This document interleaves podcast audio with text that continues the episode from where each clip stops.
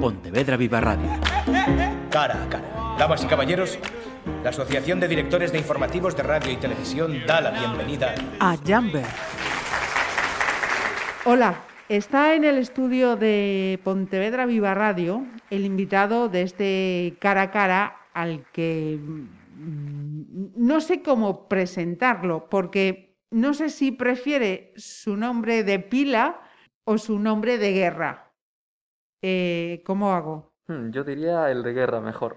El de guerra mejor. Entonces tengo que decir Jumper era. Sí, eh, soy yo. Luego podemos decir el nombre para que los mayores. bueno, pues me voy a referir a él eh, durante esta charla como Jumper, pero su nombre de pila, hombre, que tu padre y tu madre están orgullosos de ti, como sé que están. Alberto Pérez Portela. Sí, soy yo. Lo primero, pues bienvenido y muchísimas gracias. Gracias a ti, muchas gracias. Con tu permiso, Jumper. Sí. Voy a dar unas pinceladas de tu currículum. De acuerdo, me parece bien. Investigador titulado en actividad física, deporte y salud. Sí. Maestro graduado. Sí. Monitor de tiempo libre. Sí. y bailarín. Y bailarín, sí. ¿Podemos añadir candidato a deportista olímpico en París 2024? Bueno, bueno, veremos, veremos. Ojalá. Yo voy a trabajar duro para tener posibilidades. ¿Por qué? Pues porque el breaking, los que no estamos muy duchos en esta disciplina, el breakdance, lo correcto, aprender es breaking. Pues es una de las nuevas disciplinas olímpicas que competirán en los Juegos Olímpicos de París 2024. ¿A ti, Jamber, qué te pareció ese debate que se abrió cuando se supo que iba a los Juegos Olímpicos? Que si era deporte, que si no era deporte, que era una disciplina artística de baile. ¿Cuál fue y seguirá siendo tu posicionamiento? Bueno, esto es, es una opinión difícil. Mucha gente lo considera deporte, mucha gente lo considera danza. Yo personalmente, eh, al estar dentro de la cultura, antes de nada lo considero una danza. Es una danza urbana que nació en el Bronx en los años 70, en un barrio muy pobre de Nueva York. Y ahora, claro, eh, está considerado deporte olímpico. Entonces podríamos meter las dos definiciones. Digamos que es una danza deportiva, porque tiene un componente, componente atlético muy, muy alto, pero un componente artístico igual de alto o incluso más que su componente físico.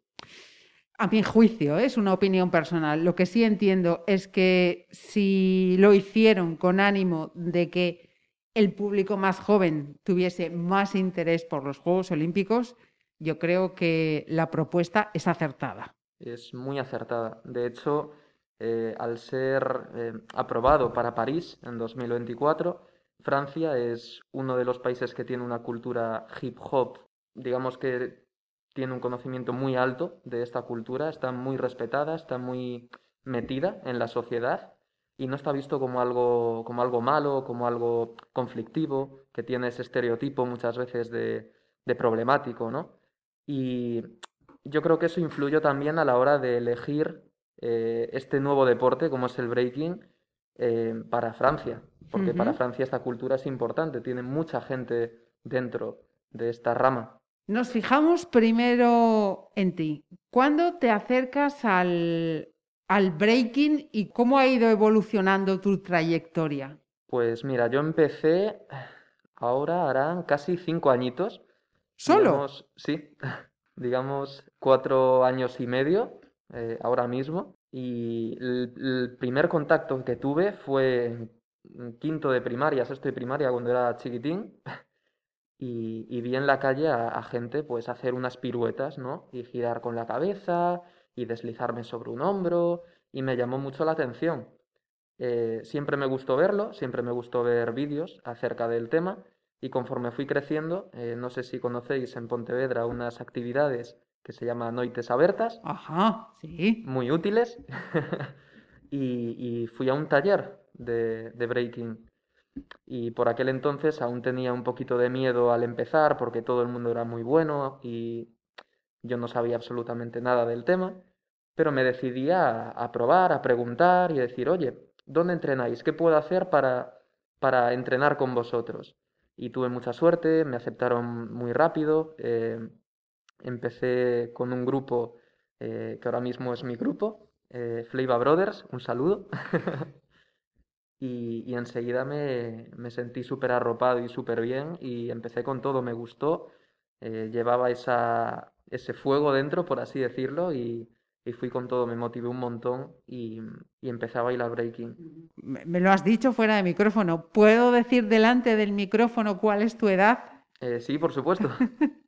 23 añitos, 23 añitos. Entonces, en estos cuatro años eh, y medio, casi cinco, eh, ¿dónde has podido, habéis podido entrenar? ¿Disponéis de algún eh, lugar adecuado, acondicionado para esta disciplina? Pues mira, al contrario que muchos compañeros y compañeras, eh, no solo en Galicia, sino en España, yo tuve mucha suerte de cuando empecé contar con un sitio que ya tenía mi grupo, que residía en la Casa Azul. Ahí hay un- una especie de, de escaleras que Ajá. bajan y dan a una sala en la que se celebran muchas actividades y talleres de noites abertas y de, del Concello de Pontevedra y nosotros entrenamos ahí. No es eh, una sala preparada para deporte, eh, es más bien una sala preparada pues para ciertos tipos de talleres como yoga, tai chi, creo que hacen también actividades con discapacidad intelectual, pero no está preparada para, para el deporte.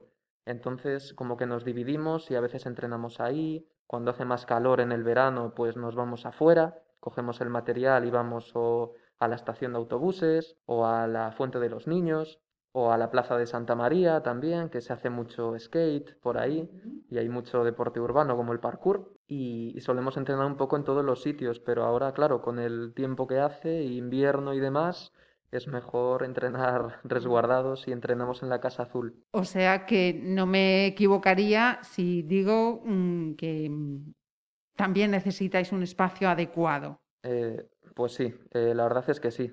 Eh, no contamos ahora mismo con un centro preparado para el tipo de entrenamiento que hacemos. Nosotros necesitamos pues un suelo específico que esté bien pulido, que se pueda resbalar bien en él. Necesitamos eh, una sala preparada con material de gimnasio, se podría decir, como pueden ser unas espalderas, una barra pues de dominadas o de ejercicios, eh, esterillas, pelotas hinchables, bosus, todo lo que podría tener un gimnasio de preparación física, ¿no? Porque esta rama, como ya dije, no es solo artística, tiene un componente físico muy alto y nosotros nos preparamos tanto practicando los movimientos como condicionando nuestro cuerpo para poder realizar esos movimientos que son tan demandantes y exigentes a nivel cardiovascular, físico y, y mental. Eh, porque en este momento, ¿en qué condiciones se encuentra? Pues ahora mismo la sala de la que disponemos, eh, sin querer sonar pretencioso, pues eh, está bastante, está bastante bien. Es una sala amplia, pero que tiene pues ciertos problemas que, que un deportista eh, se tiene que enfrentar a ellos, como es que el espacio cada vez está más lleno de, de- de sillas, de mesas, porque eso lo utilizan a veces como una especie de almacén y, y nos ponen pues todo por... No me refiero a la Casa Azul, sino a la gente que, que ponga eso ahí, no lo sé. Sí, Eh, claro, es, es mucha gente, nos consta que es mucha gente la que hace diversas actividades y efectivamente, pues eso, os Claro, encontráis todo- en la tesitura de que va, es un poco cajón desastre igual. Todo, sí, digamos que todo se amontona ahí, tenemos alguna tabla del suelo que está levantada, tenemos alguna pared con humedad y eso al respirar, pues, y, más con mascarilla, no es muy bueno para el pulmón. Eh, aparte de no estar equipada, pues eh, también contamos con un tatami que es bastante viejo, eh, creo que tiene como 15 años y vendría bien un repaso de esa sala, una reforma, una reforma de material, una reforma de infraestructura un nuevo extractor para quitar toda esa humedad y que todo esté limpio, un mejor acceso a ventilación, eh, un mejor suelo, no sé, algo más preparado. Estamos hablando de chicos que están practicando a día de hoy una disciplina olímpica. Sí. ¿Hay actividad eh, federada? ¿Tú estás eh, federado? ¿Cómo hay que hacer para pasar a esa parte, digamos, más eh, profesional y amparada por, por ese organismo deportivo? Sí, ahora mismo pues contamos con una federación, como bien has dicho, que de hecho es muy muy reciente. Eh, hemos estado dentro un añito solamente. Nosotros estamos en la especialidad breaking en la Federación Española de Baile Deportivo, cuya sede ahora mismo reside en Barcelona. Eh, para federarte en este deporte, de ser el caso de que te interese, eh, simplemente tendrías que acceder a la web de la Federación Española, eh, ir a matriculación y hacer tu ficha federativa con los trámites que allí o con las instrucciones que allí te, te muestran, con una confirmación de email y demás. Pero es muy sencillo. ¿Tú estás federado entonces desde cuándo? Desde hace un añito. Un añito. ¿Y eso mm, ¿a, qué te ampara? ¿Bajo qué paraguas estás entonces en este momento? Pues la verdad es que agradecemos eh, el, el gran paraguas que nos da la federación porque tenemos un seguro que nos cubre en caso de lesiones, tanto fuera como dentro de la instalación deportiva. En este caso, si yo me hago daño bailando fuera, en la calle, la federación también me cubriría esa operación o ese gasto médico que yo tendría para recuperarme. O sea que estamos bastante agradecidos. Otra parte, ¿qué habilidades hay que tener o desarrollar? Porque antes cuando mencionabas esas necesidades del espacio hablabas de una serie de, requerimientos. Eh, cuéntanos, ¿qué habilidades hay que tener o desarrollar? Pues mira, para bailar breaking, para empezar a bailarlo, realmente no necesitas nada, porque esto es un progreso, eh, tiene mucha continuidad, tiene mucha disciplina, pero sobre todo tiene mucha pasión. Si realmente tú te sientes apasionado, vas a hacer lo que sea para mejorar en una disciplina. Entonces podríamos decir que necesitas un...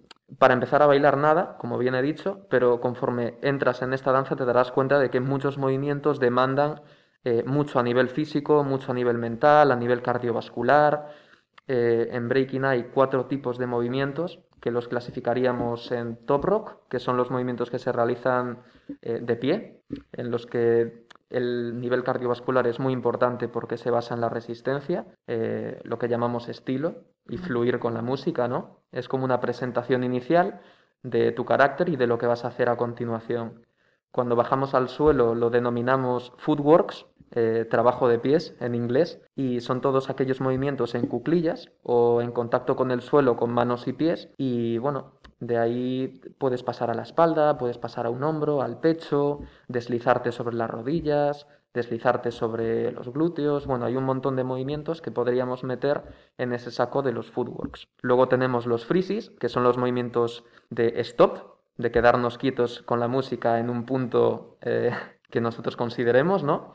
y que la música lo dicte, por supuesto, y son los movimientos que requieren pues quizás una mayor resistencia muscular, eh, más fuerza, flexibilidad, y luego tenemos la, la parte más explosiva de nuestra danza, que son los power moves, que combinan elementos de fuerza, elementos de flexibilidad también, de agilidad, de coordinación, y son lo que se denominan vulgarmente como las piruetas, ¿no? El girar con la cabeza, girar en la espalda, en un hombro, eh, romperse, por así decirlo, ¿no? que lo tengo escuchado. O sea que además eh, de desarrollar y tener todas esas eh, habilidades, también hay que aprender de terminología. Cuidadito. Poniendo atención ahora en, en, en París 2024, una vez que el breaking ya es disciplina olímpica, el Consejo Superior de Deportes o el Comité Olímpico Español ya ha empezado a, ponerse en ello, y no digo solamente económico, que también te lo incluye. Eh, pues ahora mismo sí, está, está empezando la cosa, como he dicho, es muy reciente, eh, todavía no se sabe al 100% cómo se va a enfocar, tenemos una serie de competiciones planeadas a nivel nacional, el circuito de la federación, que no quiere decir que vayan a cesar los eventos urbanos, que siempre hubo, que eso mucha gente lo confunde también. Esto es una rama deportiva que surge a partir de algo eh, callejero y es una rama que cualquiera puede coger si le apetece y se quiere preparar para ello. Es un camino más, una, una mm, alternativa que tenemos los bailarines que queramos profesionalizarnos y deportivizarnos, ¿no? Entonces sí se puede decir que España está intentando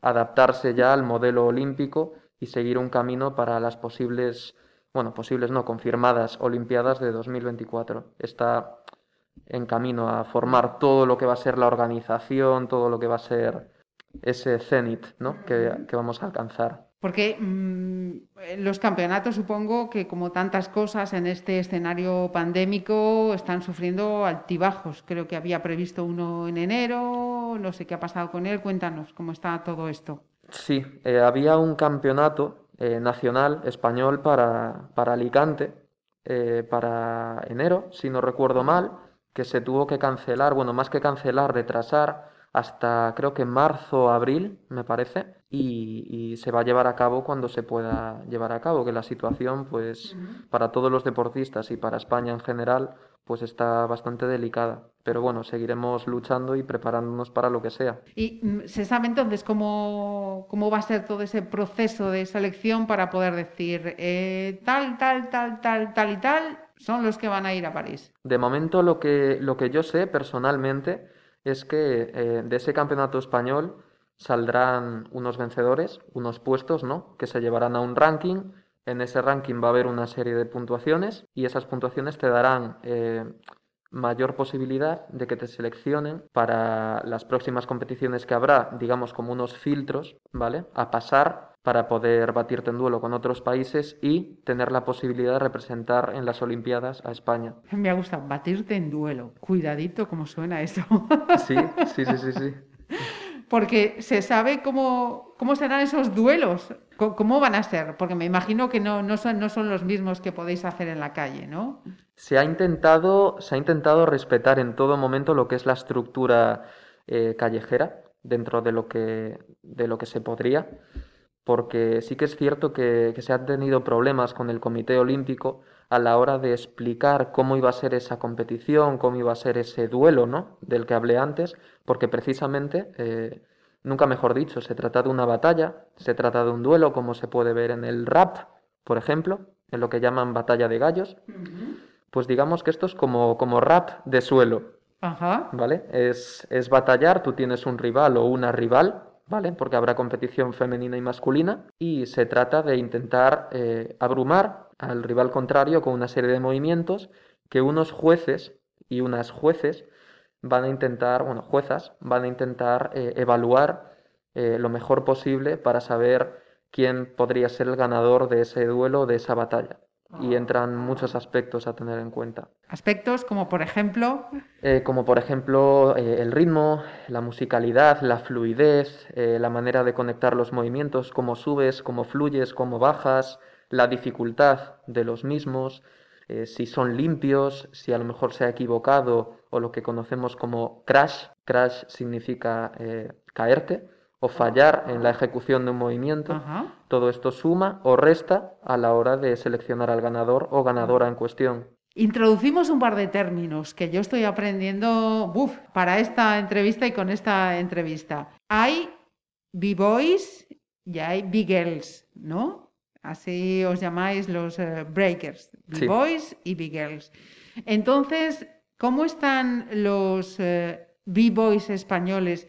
posicionados? Porque yo he leído que entre los tops mundiales hay unos cuantos. Sí, eh, verás, te cuento. Al principio de todo, cuando empezó a surgir esta cultura y se empezó a, hacer un poquito más famosa, a partir de los años 70, 80, en España no estaba muy extendida. En España, digamos que llegó un poquito tarde, pero cuando se empezó a posicionar eh, a nivel internacional, eh, pues fue relativamente hace poquito, porque España nunca había destacado tanto eh, a nivel internacional como lo está haciendo ahora. Tenemos la suerte de contar con más vídeos que nunca, con mucha formación. Hay gente que de hecho está estudiando carreras especializadas en deporte para poder aplicarlas a su danza, a su breaking, por así decirlo. Y, tenemos suerte de, contar con una formación que antes no teníamos. Entonces como que intentan equiparar esa formación con el nivel profesional del breaking. Tienen una cultura y un un saber hacer de las cosas que antes no se tenía. Entonces España ahora mismo empieza a estar cada vez un poquito más arriba, un poquito más arriba y como bien has dicho, sí que hay un par de ellos que, lo están, están gritando muy fuerte el, nombre español y, y, los tenemos cerquita. Dime, ¿dónde, ¿dónde están? Porque te iba a preguntar, bueno, ¿y en Pontevedra y en Galicia qué pasa? Eh, ¿qué, te, comento primero? ¿Pontevedra y Galicia? Los tres. vamos ahí. Si, si, en Pontevedra y Galicia están entre esos que me dices que están ahí, vamos, venga, cuéntanos. En Pontevedra y Galicia tenemos a gente súper profesional que yo estoy seguro de que en el Campeonato de España van a quedar en muy buena posición y van a representar a Galicia. ¿Vais? Vamos, claro, por supuesto. Hablo en, Eh, hago, un inciso aquí que seguramente mucha gente no lo sepa. Eh, el club gallego, en el que yo estoy federado, que es el Club Deportivo da Rúa, con sede en Neda, eh, cerca de Ferrol, es el primer club anotado a nivel español. Es decir, los gallegos somos los primeros en habernos federado en la especialidad breaking. Toma. Sí. Y de hecho, de las cuatro personas que llevan ahora mismo todo el tema de la federación con especialidad en breaking, dos son gallegas. Una es eh, Pablo Castiñeira, que está en Santiago, con su empresa Bella Escola, que hace un montón de, actividades culturales y de eventos organizados por él. Y luego tenemos a Ancho Barro, que es de mi grupo, de Fleiva Brothers, que también está en contacto con la federación y nos ha ayudado un montón a la hora de hacer las fichas, los trámites, las licencias y la verdad es que le agradecemos mucho también a él. Entonces, eh, Jamber, por lo que nos estás contando, aquí en Galicia hay materia prima, pero esa materia prima se tiene que nutrir de muchos elementos para que podamos destacar entre otras autonomías y que salga de aquí alguien potente. Sí, tenemos, tenemos mucho que fortalecer. Tenemos la suerte de contar en Kids con gente muy buena. Me refiero Kids a nivel niños, porque tenemos grupos de niños también que lo están haciendo muy bien a nivel eh, estatal, lo están haciendo súper bien, pero a nivel adultos, pues nosotros nos tenemos que, preparar, eh, conlleva mucha, mucha preparación física y mental. Y como decía un amigo mío, ¿cómo vamos a traer medallas a España o a Galicia en este caso si no nos dejan entrenar? Claro, porque los, los handicaps que tenéis vosotros ahora mismo, si ya cualquier eh, deportista que se esté preparando en otras disciplinas, que ya han participado otras veces, en vuestro caso, todavía es más complejo porque hay que empezarlo todo de cero en una coyuntura mundial inédita para todos. Pero bueno, nos, bajamos aquí a España, que necesitáis eso, desde un espacio adecuado hasta, me imagino que eh, unos técnicos de, de, todo, de nutrición, de preparación física, un psicológica, de, de, todo tipo, ¿no? Sí, que tengamos un respaldo ahí detrás, como tiene pues multitud de deportes, para que pueda haber un, un destacamiento en el deporte español y en el deporte gallego. Necesitamos figuras detrás que, iba a decir que nos subvencionen, que también necesitamos pues apoyo económico, obviamente, pero sobre todo pues, pues apoyo eso a nivel preparación, que no tenemos, está empezando ahora, pero por eso hago un, especial hincapié en eso, necesitamos eh, conocimiento, necesitamos un desarrollo digno. Eh, es que, fijaros, eh, Jamber me estaba dando un dato antes que para mí es... Mm, total y absolutamente ilustrativo de vuestra situación cuando me decías de este chico en el metro de Madrid. Te pido por favor que, lo vuelvas a contar porque me parece de lo más eh, ejemplarizante de la situación. Sí, lo, vuelvo a contar sin, sin problema. De hecho, si me estás escuchando, Graciel, eh, un saludo a ti también. Y cuento, Graciel tenía un problema y es que él es el campeón de España de 2019 del campeonato Red Bull que es una patrocinadora muy potente del breaking, tanto a niveles creo. de los únicos, sí, tanto a nivel español como internacional. Son las competiciones más vistas, más conocidas, porque Red Bull pues es una marca que, mueve mucho dinero, ¿no? Pues él es el campeón español del año 2019 y ahora mismo se encuentra entrenando en el metro, en la calle. Y hasta hace, hace muy poquito le pararon por estar entrenando en el metro, le hicieron pues eh, un control de drogas eh, con, bueno, eh, con ciertos problemas de por medio y le echaron de, la estación donde él estaba preparándose para poder seguir entrenando y representando a, su comunidad y a su país, ¿no? Él tiene incluso una empresa también de espectáculos de la que es dueño y una empresa que lleva este mundillo del breaking a otro nivel y hay mucho desconocimiento acerca de esto a nivel español y estamos hablando de eso, de que estamos teniendo a campeones de España o posibles campeones internacionales entrenando en la calle eh, con lluvia, con frío, eh, en una estación, menos en una instalación deportiva, que es donde deberían estar, con un calor adecuado, una temperatura correcta, ¿no? Para poder ah, desarrollar el entrenamiento eh, al nivel que ellos quieran y no en la calle y con, multas o con broncas de la policía y demás. Y, entonces esa conexión Pontevedra-Galicia con, esa pregunta que teníamos pendiente, con el panorama español, decías que ahí los, eh, los gallegos mm, tenemos espacio. Sí, tenemos espacio, tenemos que prepararnos muy bien. Todavía no estamos al nivel que deberíamos estar para, para poder representar unos juegos o unas competiciones tan importantes. Eh, nos estamos preparando. Pero sí que es cierto que, en España hay muchos monstruos, entre ellos Graciel Estenio, eh, más conocido como Vivo y Graci, por poner algún ejemplo, o Vivo y Shaq, Juan de la Torre, y, la verdad es que lo están, lo están haciendo muy muy bien a nivel internacional. ¿Y, y, Jamber dónde está?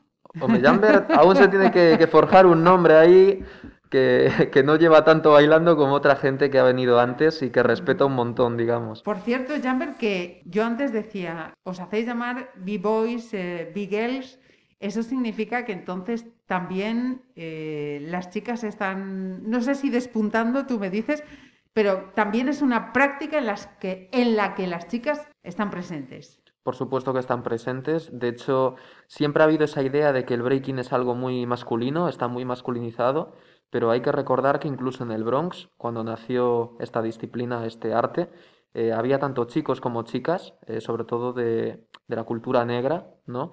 Eh, practicando y bailando en igualdad de condiciones, batallando chicos contra chicos, chicas contra chicas, chicas contra chicos, ahí había de todo. Y sí que es verdad que eh, ahora mismo están haciendo un ruido tremendo a nivel internacional. Eh, hay chicas muy, muy buenas.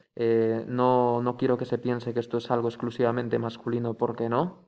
aquí cabe todo el mundo, de cualquier estatura, de cualquier sexo, de cualquier raza, por así decirlo, cualquier etnia y que esto es algo tanto masculino como femenino. Ahora las chicas están teniendo una importancia muy alta eh, a nivel competición internacional. Eh, están haciendo un ruido que antes no hacían tanto por la invisibilización que había tanto de esta danza como de la parte femenina.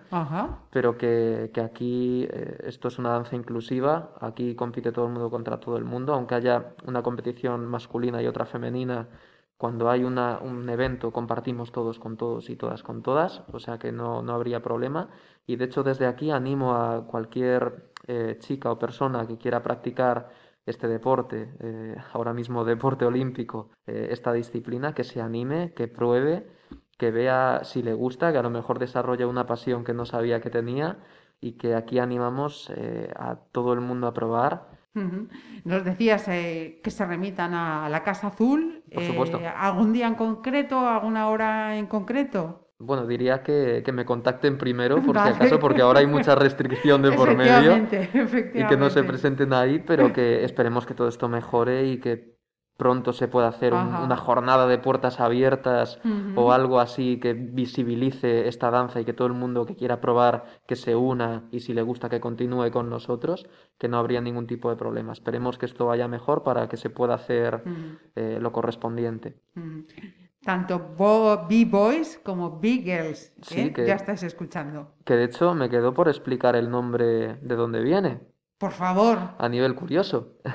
Pues mira, B-Boy y B-Girl, como lo dice el nombre, la B es eh, como una acortación de lo que se conoce como Break Boy y Break Girl, o Beat Boy, Beat Girl. Eran los chicos y las chicas del barrio del Bronx que bailaban los beats o breaks de una canción. Una canción tiene una serie de partes fuertes, eh, de breaks, eh, y los B-Boys y las B-Girls se encargaban de marcar y de bailar esos breaks, ¿no? De, gesticular con el cuerpo y de moverse de tal manera que fluyeran con la música, con esos beats, con esos breaks que marcaba la canción. Con esta charla yo estaba haciendo, haciendo números. Mm, lo de ponerte a estudiar ciencias de la actividad eh, física, entonces, ¿fue consecuencia del breaking o al revés? Digamos, eh, ambas. A mí siempre me ha gustado mucho el deporte, pero sí que es verdad que cuando me metí a bailar breaking cambió mi vida eh, totalmente. Mi perspectiva acerca de el cuidado físico, el cuidado mental, eh, la visión del deporte en sí, me ayudó un montón bailar breaking para lo que yo quería estudiar y viceversa, porque ahora mismo estoy aplicando lo que, lo que he conseguido estudiar, lo que he conseguido a nivel formativo, a mi danza. O sea que me está viniendo recíprocamente súper bien. ¿Cuántas horas dedicas a entrenar el breaking? Si contamos entrenamiento de ir a bailar y luego entrenamiento físico en casa o, donde yo pueda, pues digamos entre 3, 4 horas diarias a lo mejor, algún día más, algún día menos, depende, pero esa es la franja que más o menos suelo seguir. Me imagino que en tu casa los, vamos, están ya perfectamente puestos y al tanto, vamos, un, máster acelerado sobre breaking. En casa sí, eh, muchas veces eh, se impresionan de algunos movimientos o de algunas cosas que hago o de los ruidos que escuchan en la habitación o así, pero sí que están muy acostumbrados ya a verme entrenar, a verme prepararme y es como el pan de cada día, digamos, es una rutina más. Porque además me decías, ya se me pasaba antes de pasar a, la parte teórica, también has viajado, no sé si gracias o, con el breaking, cuéntanos. Pues gracias al breaking, la verdad es que he estado en, en eventos súper interesantes y he conocido a gente increíble. Por poner un ejemplo, estuve, estuve en Cracovia, en 2018 en una concentración de bailarines y bailarinas eh, con gente de todo el mundo, gente que era auténticas bestias y yo me sentía ahí como, no sé, como súper abrumado, ¿no? Por el nivel que había, además siendo novato. Y luego estuve en Países Bajos en un evento súper famoso eh, a nivel mundial que se llama la IDE, International eh, Breaking Event mm, y, tuve el placer de ver una competición de alto nivel eh, en vivo y en directo con auténticos monstruos y auténticas monstruas. y la verdad es que me lo pasé súper bien, era un espacio dedicado solo a esta cultura, solo a esta danza como es el hip hop y es el breaking. Y bueno, el hip hop es la cultura, no me malinterpretéis, la danza es el breaking. De hecho, el breaking es una de las cuatro ramas puras del hip hop, es la parte bailada y el hip hop es la cultura, no es la danza. No solo practicas, dominas, diría yo, el breaking, que también a nivel teórico has publicado un par de proyectos. Y paso a leer. Análisis de la lógica interna del breaking mediante parámetros temporales y secuenciales. Sí. Y ahora es cuando voy con el off the record y os digo, me ha chivado Jamber que junto a tu tutor, ¿no? Sí. Fuisteis pioneros en, un proyecto como este.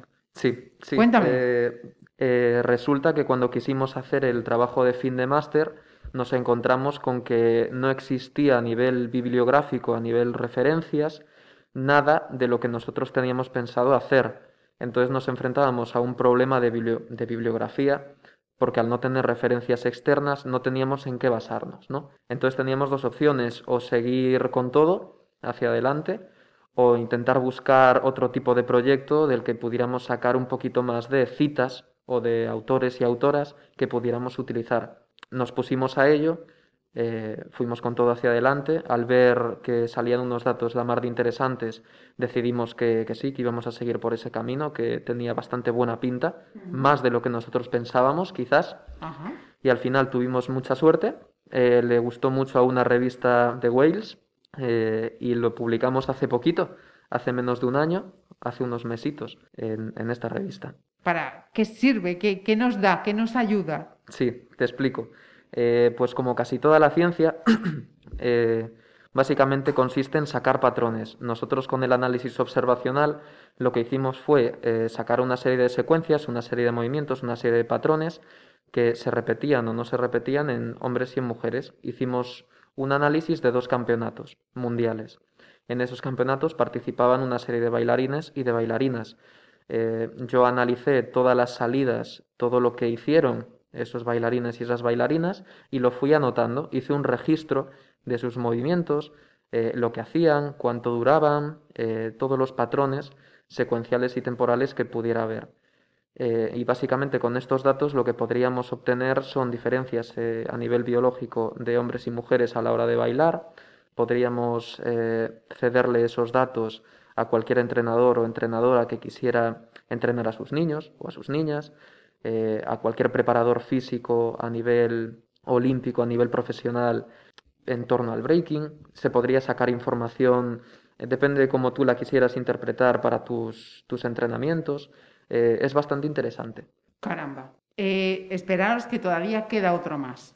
Efectos de un programa de breaking en la condición física de personas con discapacidad intelectual. Sí. O sea que también es terapéutico. Sí, como cualquier danza, podríamos decir que es terapéutica. Eh, este artículo, sin embargo, aunque no esté publicado, eh, fue el objeto de mi trabajo de fin de grado de la carrera. Fue aplicar un programa eh, para gente con discapacidad intelectual basado en el breaking. Hicimos una serie de ejercicios involucrados con esta danza que luego potenciaron sus respectivas capacidades físicas básicas como puede ser la fuerza, como puede ser la flexibilidad, eh, la resistencia, y, vimos pues una progresión notable utilizando esta danza como una manera de fortalecer al mismo tiempo que era algo lúdico, ¿no? que se lo pasaban bien.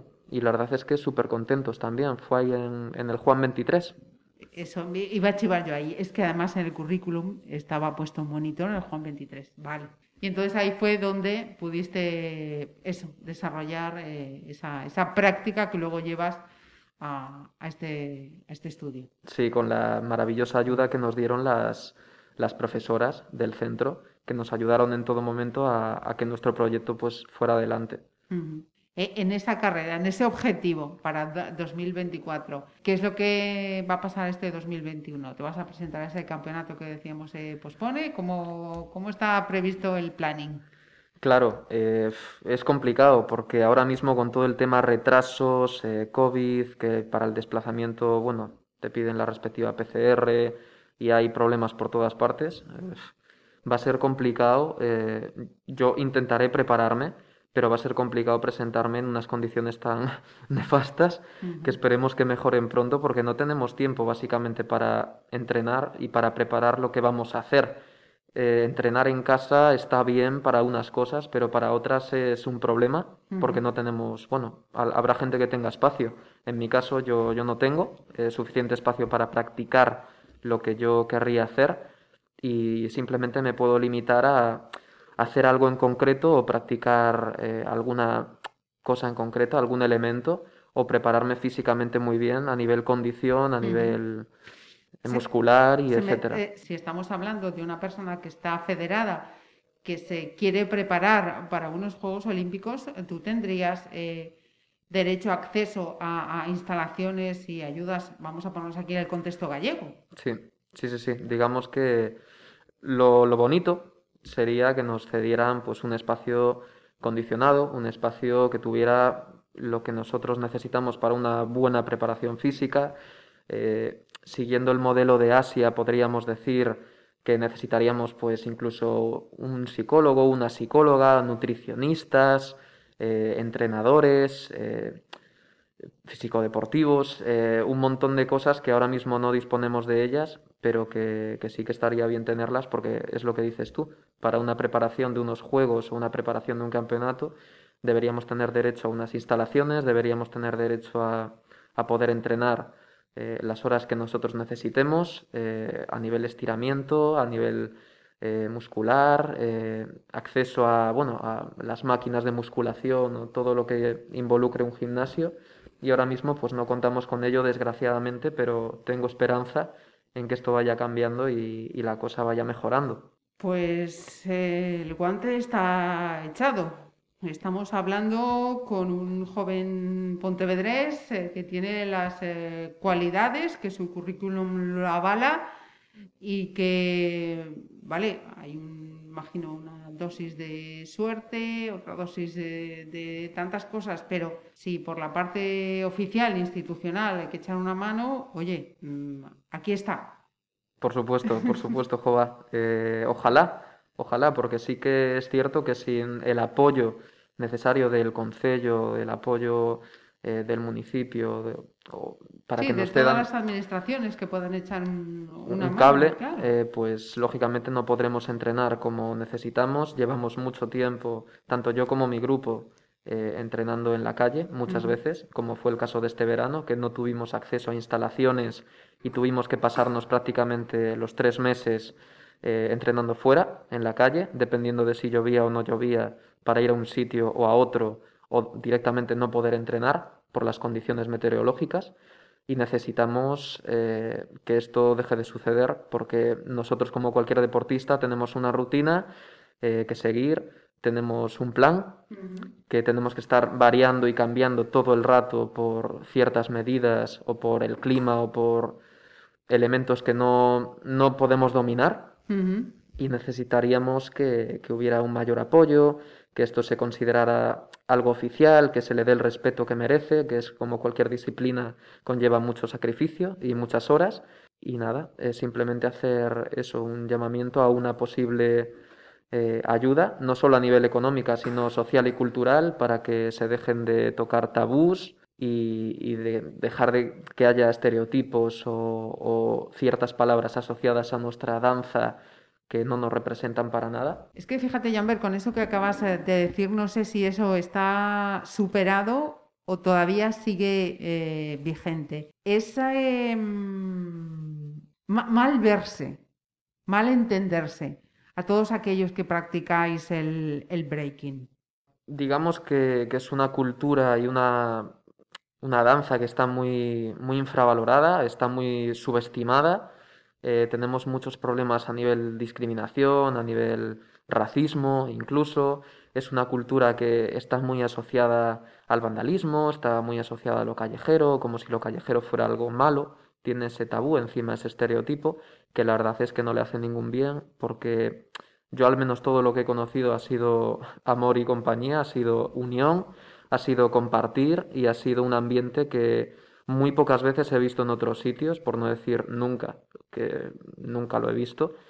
Y la verdad me he sentido muy arropado por esta cultura en todo momento y tanto a nivel español como internacional, sea en castellano o en inglés o en francés o en el idioma que, que tú te comuniques, la verdad es que hay un, un apoyo eh, a nivel bailarín y bailarina eh, muy muy grande, sobre todo entre nosotros, y eso hay que mantenerlo. Lo que pasa es que de ojos afuera sí que tenemos esa connotación negativa que debe desaparecer como le pasa a muchas otras culturas. Jamber, muchísimas gracias y muchísima suerte. A ti, Marisa, muchas gracias.